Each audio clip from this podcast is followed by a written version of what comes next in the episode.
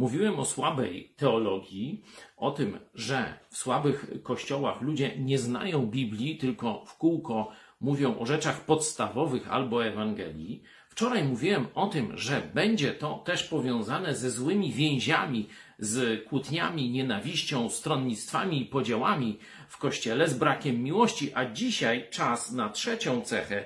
Oto ona, pierwszy list do Koryntian, trzeci rozdział.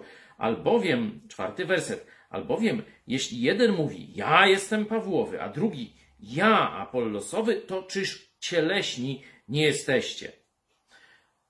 W tym kościele ludzie nie orientowali się na słowo Chrystusa, na Biblię. Orientowali się na konkretnych przywódców religijnych, na konkretnych pastorów. I mówili, a ten pastor jest dobry, to i to powiedział i ja będę szedł za nim. Absolutnie nie. W naszym kościele, jeśli ktoś na mnie się powoła, a nie na słowo Jezusa Chrystusa, to jest to jedno z poważniejszych przewinień czy oznak niedojrzałości.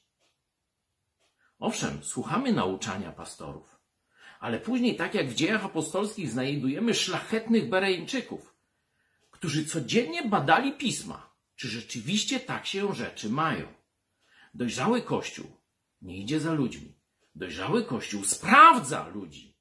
Dojrzały chrześcijanie sam głęboko kopie w Biblii i jego przekonania. Choć oczywiście różne czynniki się złożyły na te przekonania, ostatecznie jego przekonania ugruntowane są na skalę Słowa Bożego. To jest kolejna, trzecia oznaka dojrzałego Kościoła.